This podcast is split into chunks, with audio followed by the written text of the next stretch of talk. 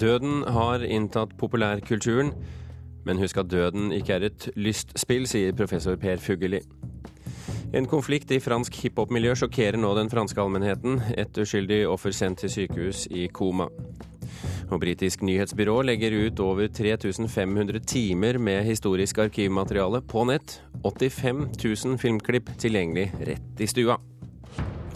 Du hører på Kulturnytt med Birger Kålsrud Aasund i studio. Døden har blitt et eh, tema i populærkulturen. Teknisk museum stiller ut bilder av mennesker før og etter de dør. Oslo har startet dødskafé, og siste utgave av tidsskriftet Minerva har døden som tema. Også NRK har kastet seg på trenden. I serien Kisten snakker kjendiser ut om døden og dekorerer sin egen kiste. Det er da din kiste. Min kiste. Din kiste. Jeg er vel mer interessert i bil, da. Jeg syns den var jævla fin. I NRK-serien Kisten må den folkekjære artisten Bjarne Brøndbo dekoreres i egen kiste. Så dette skal liksom være pynt til min kiste? I serien kjører programleder Namra Salem rundt med ei kiste på taket av bilen.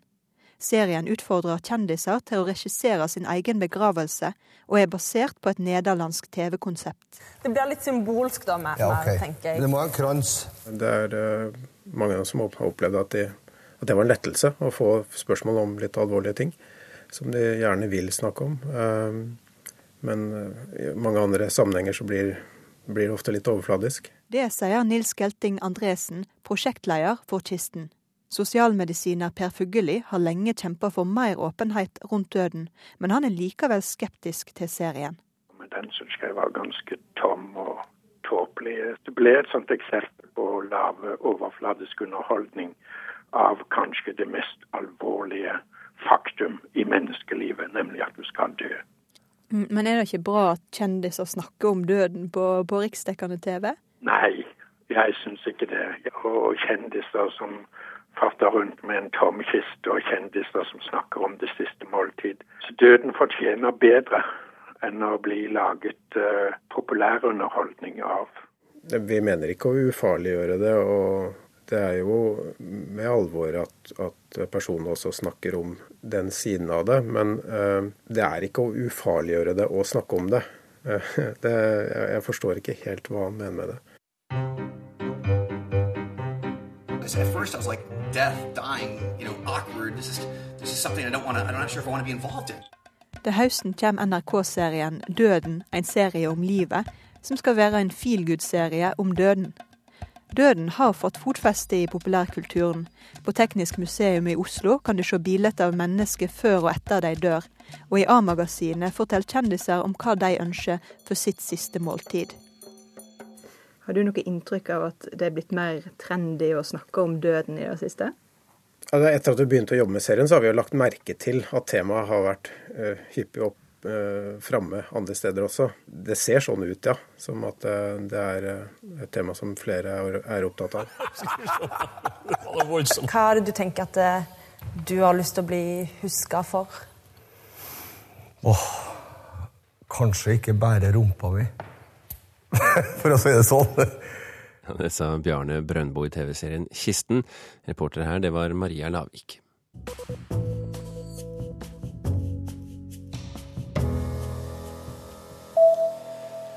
Dersom du er en av de mange som har sett TV-serier som Game of Thrones eller House of Cards gratis på nett, så gjør du ikke noe ulovlig. Det melder VG i dag.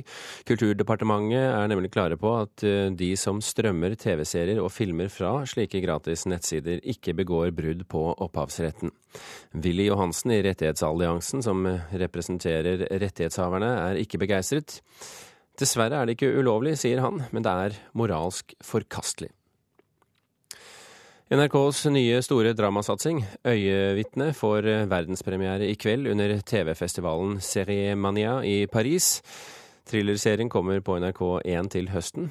Mammon, som ble en av tidenes dramasuksess for NRK i vinter, er også plukket ut til å delta i hovedprogrammet på festivalen sammen med Øyevitne og rundt 30 andre toppserier fra hele verden. En stolt dramasjef i NRK, Ivar Køhn, sier dette viser at norsk TV-drama TV holder et høyt internasjonalt nivå.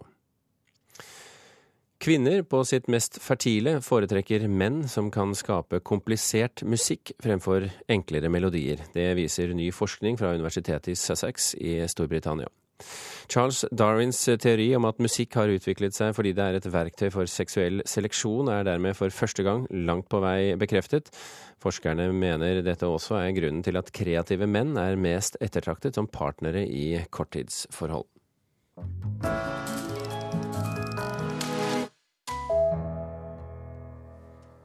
Munch-museet skal for første gang samarbeide med naboen på Naturhistorisk museum Tøyen i Oslo. Til helgen åpner utstillingen Munch gjennom naturen. I utstillingen vises Munchs bilder sammen med planter og dyr fra museet i Botanisk hage, og omvendt. Og utgangspunktet her er den eh, litografiske serien til Munch som heter Alfa og Omega, som er en slags eh, kombinert menneske-dyrefabel. Men her har man ikke nektet seg noe. Her teller jeg altså en bjørn, en diger hjort, det står en ulv, og det er jammen en eh, løve og et rådyr, eller? Altså, vi har jo laget et dyrerom som et uh, tablå som ja, kobler seg til den uh, serien til Munch, da, med alfa og omega. Jon O. Steihaug understreker at for en gangs skyld forsøker man å overse de humanistiske disiplinene som ramme for arbeidet med kunsten. Det er jo på en måte Adam og Eva som er på en øy, og så har hun seg da med dyrene etter hvert. Og det kommer et litt sånn bastardavkom, og ja, så det ender uh, Veldig ukorrekt, dette her. Det er veldig ukorrekt. Vi har jo mange dyrefabler, vi har dyretegningene til folkeeventyrene osv. Så, videre, så jeg tenker at han skriver seg, eller tegner seg inn i en litt sånn tradisjon rundt dette med ja, dyrefabelen og dette med forholdet mellom menneske og dyr. da. Jon Ove Steihaug er Munch-museets kunsthistoriker og kurator for møter mellom Munchs kunst og naturhistorie, som er tema for det museale nybrottssamarbeidet, som Naturhistorisk museum og Munch-museet på Tøyen i Oslo åpner sammen i morgen. Gjennom naturen har de kalt utstillingen. Det er hentet fra Munchs egne ord i forbindelse med motivet Skrik, der han omtaler et stort, uendelig skrik gjennom naturen. Museene ligger et steinkast fra hverandre. På den ene siden troner Munch-museet på sin gressvoll. De naturhistoriske ligger i Botanisk hage. Rommet her går jo på dette med livet. Og disse sommerfuglene, Det handler jo om det? nettopp seksuell seleksjon. Hvordan tiltrekker du deg en make? I, og, og, og, hvordan, hva skal jeg si, rivalisering.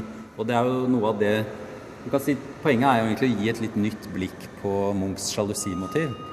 De omtalte sommerfuglene bak glass og i ramme stammer fra varmere breddegrader enn våre, og er som dyrepreparatene et annet eksempel på hvordan vitenskap om geologi, zoologi, paleontologi og botanikk danner rammen for utstillingens arbeid med Munchs kunst. I Botanisk hage blir Munch-stien ferdigstilt i dag. Store, frittstående plakater påtrykt Munchs motiver byr på naturhistoriske beretninger knyttet til disse motivene. Som denne, som geolog Anne Birkeland forteller oss. Det bildet som, eh, som er på denne plakaten, heter 'Vår i Almeskogen'. Ble malt av Munch om våren 1923. Og det viser en eh, skogbunn med masse blåveis, og i bakgrunnen så er det store nakne almetrær der før løvet har kommet. Det stiller vi ut i Botanisk hage sammen med stubben av et dødt almetre. Og det gjør vi fordi i Nord-Amerika og i mesteparten av Europa er nå almen utdødd. Så det bildet som Munch har malt her, det kan man ikke male lenger. Motivet finnes ikke i verden. Så på den måten er han en slags eh, dokumentarist, nå vite det selv, over arter som, som i hvert fall er veldig sjeldne nå. Det var geolog Anne Birkeland som sa det til reporter Sølvi Fosseide. Og vi har planer her i Kulturnytt om å sende vår eh, kunstanmelder Mona Palle Bjerke ut til denne utstillingen eh, for å få en faglig vurdering av det. Og resultatet av det vil du høre eh, neste uke, tirsdag omtrent. Så skal vi til eh, Frankrike, for en konflikt som har eskalert i fransk hiphop-miljø over mange år, sjokkerer nå den franske allmennheten, og man snakker om en veritabel krig mellom rappgangstere. Det toppet seg her forrige dagen da rappartisten Roff og hans maskerte kumpaner overfalt og sendte til sykehus en ekspeditør i motebutikken til rivalen, rapperen Boba. Roff overga seg til politiet og sitter nå i forhør, samtidig som hans seneste hit Slatana er blitt en klikkvinner på YouTube.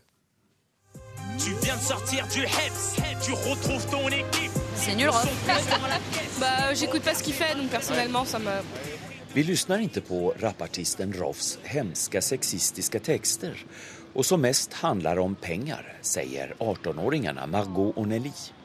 De är inte förvånade över den stora medienyheten att Roff är anklagad för grovt våld på en expedit i en modebutik. I fransk media talar man till och med om krig mellan rapgangsters. Det är synd, för misshandeln kastar en mörk skugga över hela rapvärlden, tycker Margot Onelli. Men alla rapartister beter sig inte så här och den rap vi lyssnar på fördömer just våld och sexism, säger hon. Bah, ils parlent de sujets qui nous touchent vraiment. Comment Ouais, ils, sont, ils ont un peu notre philosophie. Et... Tatana, la putatakana. Elle t'a fait déployer tes ailes de pigeon, Nazlatana. I måndags trängde rapartisten Roff samt ett tiotal maskerade män in i en modebutik som ägs av rivalen, rapparen Boba. Kallblodigt slog de ner den 19-årige expediten som förlorade medvetande och fördes till sjukhus med allvarliga skador. Efter flera timmar i koma har ynglingen nu vaknat upp. Hans liv är inte längre i fara, men han vårdas för svåra skador. Roff sitter kvar i polisförhör och kan komma att dömas till fängelse. Det här går på tok för långt, säger en av Frankrikes mest kända musikkritiker och sociologer, Olivier Cachin till Kulturnytt. Roff setter hele sin karriere på hal is etter mishandelen, sier han. Oui. Roff est quelqu'un qui a un tempérament euh, très très bouillant, euh, on le sait, il a déjà fait un petit peu de prison. Euh, pour... Det är dock inte första gången Roff är inblandad i gängbråk. Han har redan varit dömd för misshandel, berättar Olivier Cachin. 37-årige rapartisten Roff heter egentligen Hosni MKB. Med sina sju album har han sålt uppåt 1,5 miljoner skivor de senaste 15 åren. Hans senaste hit, Zlatana, är en hyllning till den svenske fotbollsspelaren Zlatan Ibrahimovic i klubben Paris Saint-Germain. Roff och Boba har bråkat i flera år. Det handlar om avundsjuka. De spelar till och med in låtar där de i texterna smutskastar varann. Om rivalen Boba sa Roff så her til tv for et tag moi. Det bästa vore egentligen om Boba og jeg kunne träffas for å prate ut. Men så har ännu inte skett. När jag intervjuar Olivier Cachan ringer plötsligt Roffs advokat og bekrefter at de två stora konserterna i helgen har annullerats. Våldet kan föra med sig att viktiga tv-producenter nu bojkottar rapmusik och det vore synd, tycker musikkritiken och sociologen. Det som skulle behövas, uppmanar Kashan, det är att Roff och Boba nu sluter fred och lovar att de genast stoppar rapkriget. Il faut absolument que, la, que cette guerre s'arrête. Pour moi, le minimum qu'il doit faire, c'est au moins une déclaration.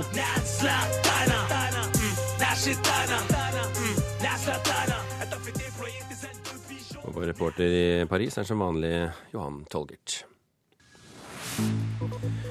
Klokken er snart 17 minutter over åtte. Du hører på Kulturnytt, og dette er toppsaken i NRK Nyheter akkurat nå. Arbeiderpartiet frir til Venstre og Kristelig Folkeparti og vil ha det med på laget mot regjeringens landbrukspolitikk. Det er stor mangel på akuttplasser i beredskapshjem for barn og unge.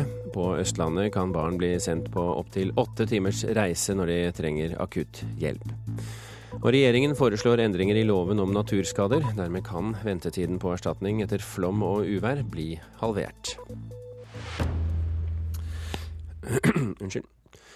Nå til julekvelden for alle historieinteresserte, for det britiske nyhetsbyrået Paté har eh, lagt ut hele sitt nyhetsarkiv på 85 000 filmer fra årene 1896 til 1976. Blant det du kan se er filmer av verdens første mobiltelefon fra 1922, luftskipet Hindenburg som brenner i New York i 1937, og Arnold Schwarzenegger som blir Mr. Universe i 1969. Tore Helseth, professor i film- og TV-studier ved Høgskolen i Lillehammer. I sum, hva slags filmer er dette egentlig? Ja, altså Det er jo et uh, unikt uh, hva skal man si, kulturhistorisk uh, kildemateriale da, som, som er, nå er tilgjengelig for alle på, på, YouTube. Hva slags filmer snakker vi om? Ja, det er jo nyhetsfilmer eller, eller filmavisinnslag, da. Altså, Selskapet Pathé var jo i utgangspunktet et fransk selskap som startet opp med å lage filmaviser eh, på kino i, i 1908. Og etablerte veldig raskt eh, et sånt internasjonalt nettverk da, med selskaper overalt rundt omkring i verden, bl.a. I, i England. Og da kom dette britiske Pathé-selskapet ble etablert. Og de, de, hadde altså fotografer rundt omkring i verden som lagde, lagde nyhetsinnslag, og, og, dette sirkulerte da i dette Pathé-selskapet systemet. Og slik fikk man også sett på kino i, i, ja, i London f.eks. Uh, uh, nyhetsinnslag fra, fra, hele verden. Men hvilken betydning har de hatt for moderne nyhetsformidling? Altså Dette er jo ikke uh, skal man si, kritisk gravende journalistikk. Dette er jo en type nyhetsinnslag som er skal man si, mer underholdningspreget. Altså Det er mye kjendiser, det er masse sport, selvfølgelig rare, underlige hendelser rundt omkring i verden osv. Og, eh, og samlet da på en typisk filmavisformat en sju-åtte nyhetsinnslag da på en sånn, i en sånn forestilling. Men, men, hvilken verdi har disse filmene, hvis vi ser på det rent sånn filmhistorisk? Altså, vi, vi kan kanskje studere dem og se en slags utvikling i hvordan man formidler nyheter på film da, over tid. Her er det ganske langt tidsspenn her, fra, fra 1896 til 1900.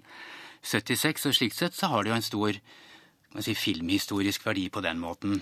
Eh, men, men, jeg tenker først og fremst på altså, innholdet i det. altså At vi kan se disse menneskene, hvordan de levde, hva de gjorde, hva slags eh, væremåter, klær, skikker osv. Som, som man kan se eh, over tid da, i, dette enorme materialet.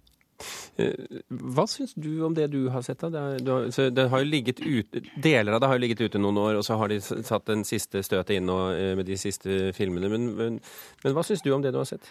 Altså, Av og til så er jo film, filmavgiftsfotografen til stede når de virkelig dramatiske tingene skjer. F.eks. dette innslaget med når Hinden, luftskipet Hindenburg kommer til New York, og de har åpenbart problemer. Et eller annet skjer, og så plutselig så, så eksploderer det.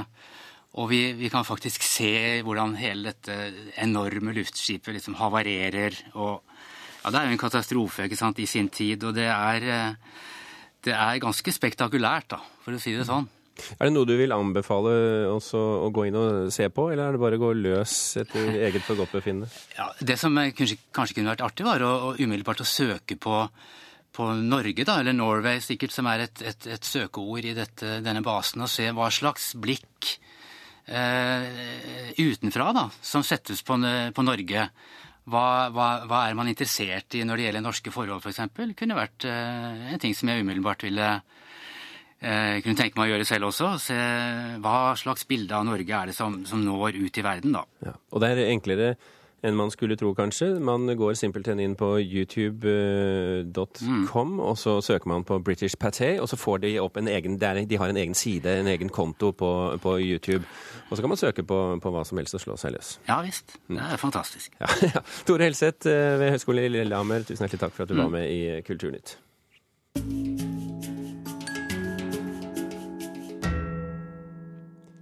Vi tar eh, veien videre opp fra Lillehammer til eh, Trondheim, for eh, der stilles spørsmålene hvilke historier ønsker ungdom å fortelle, og hvordan vil de fortelle dem? Ved Trøndelag Teater tar de spørsmålene på alvor, og for tredje året på rad har de invitert ungdom mellom 13 og 19 inn i teateret for at de skal få realisert sine dramatiske tekster på scenen. Nei, jeg blir ikke med ut og spise lunsj. Nei, bare gå dere, jeg blir her. Lunsj med her og lunsj med der. Hvis man skal drive og spise lunsj, så får man ikke tida til å jobbe. Og tida går. Klokka går. Et lite utdrag av stykket Action av 18 år gamle Joakim Skjevik. Siden januar har han og syv andre ungdommer fått utvikle sine stykker ved hjelp av dramaturger og skuespillere ved Trøndelag Teater. Og prosessen har vært tøff, forteller Joakim Skjevik. Ja, prosessen har jo vært eh, noe for seg sjøl. De har jo et veldig godt opplegg her på, på teatret, eh, hvor de har eh, hatt både workshops og sendt oss på hiphopfestival for at vi skal lære mer da, eh, om hvordan skal liksom, få i gang skriveprosessen. Og teksten min, som jeg har jobba med, den har jo endra seg etter, etter liksom det vi har holdt på med òg. Jeg har prøvd litt forskjellige teknikker der skriver vi, og, og forskjellig sånn. da. Har det gitt mersmak, dette her, som dramatiker, så å si? Ja, det å være dramatiker, ja. ja. Jeg har mange ideer som ligger og bobler oppi hodet mitt, som uh, jeg skal prøve å få ned på papiret etter hvert, ja. Ser du en fremtid i dette? Ja, det er det jeg satser på, da. Jeg har jo søkt skole innenfor det og litt forskjellig sånn nå. Så det blir, det blir artig å se hvordan det går. Rita Abrahamsen er leder for prosjektet Unge dramatikere ved Trøndelag Teater. Hensikten er å få ungdom til å skrive for scenen, og også at vi kan få frem hva ungdom er opptatt av. Og også at de oppdager teatret, kanskje. Det hadde vært, også vært hyggelig. Men først og fremst er det jo et ungdomsprosjekt. Eh, jeg holdt på å si av, for og med ungdom. Men dette med at de får all denne profesjonelle hjelpen, og at det resulterer i en fremførelse av eh, åndsverket. Eh, hva gir det ungdommen? Hvilke tilbakemeldinger har dere fått fra de to foregående årene dere har hatt dette? Ja, altså, vi har jo fått tilbakemeldinger som at dette er mitt livs opplevelse, og dette kommer jeg nok kanskje aldri til å oppleve igjen. Og jeg tror nok det gir dem en veldig sånn pang eller kickstart da, til, til, noe. Det at de møtes av en profesjonalitet. Det er profesjonelle rammer, eh, og de opplever å få se sin tekst. Eh, jobbet med av profesjonelle skuespillere. Det tror jeg Det har alle sagt, det har vært helt enestående. Ja, og det var langt og natt, og bak min rygg hang det noe svart. Det var plakat om en vest, men det jeg ikke visste, var at jeg ville ende opp som en jævla gyngehest. Jeg bestemte meg for å gå. Jeg elsker deg, jeg hater deg, heter bidraget til 15 år gamle Emilie Vikdal. Stykket inneholder både rapp og monologer. Jeg har vært glad i å skrive nesten hele livet, la meg si.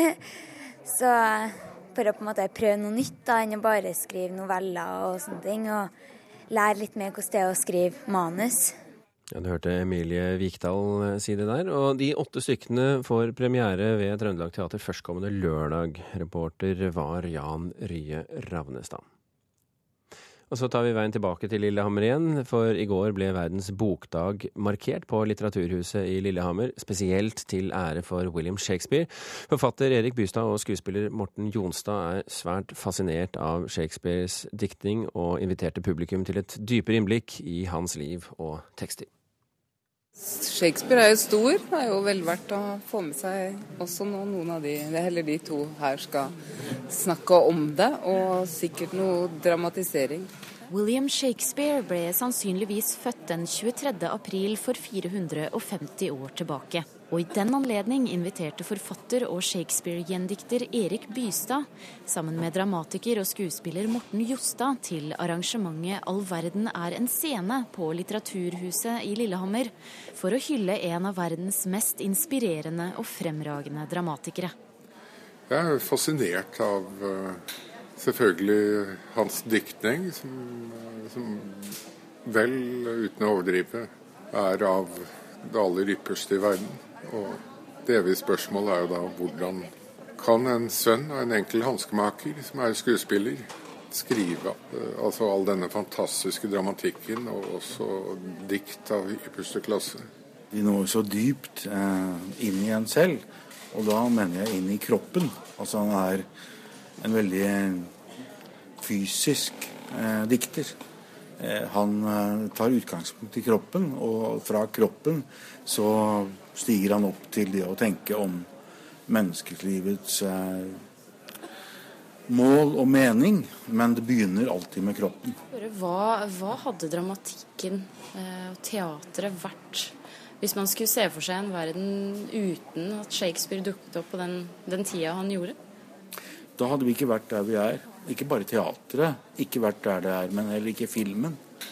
For av ham så lærte vi hvordan man effektivt, brutalt og konsekvent skulle fortelle om menneskelivet.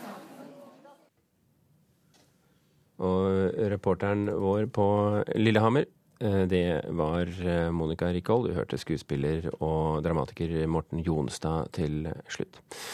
Og Kompaniet ved Shakespeares Globe Teater i London startet i går sin to år lange jubileumsturné med Hamlet. De skal innom 200 land på veien, og 6. mai kommer de til Tromsø på reise verden rundt.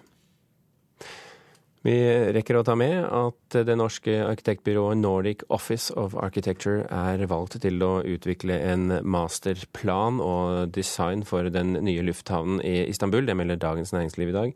Flyplassen blir med seks rullebaner verdens største og skal ha en kapasitet til å ta unna 150 millioner passasjerer årlig. Og dette var altså arkitektfirmaet som også tegnet Gardermoen i sin tid. Nå runder vi av eh, Kulturnytt. I dag har vi fortalt at døden har inntatt eh, populærkulturen i museer, aviser og TV.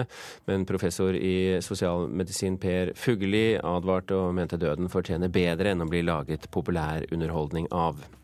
Du kunne også høre om hiphop-konflikten mellom de to franske rappartistene Roff og Boba i Frankrike, som nylig resulterte i at et uskyldig offer ble sendt til sykehus i eh, koma. Hilde Tosterud Thomas Halvarstein Ove og Birger Kolsrud Aasund takker for følget.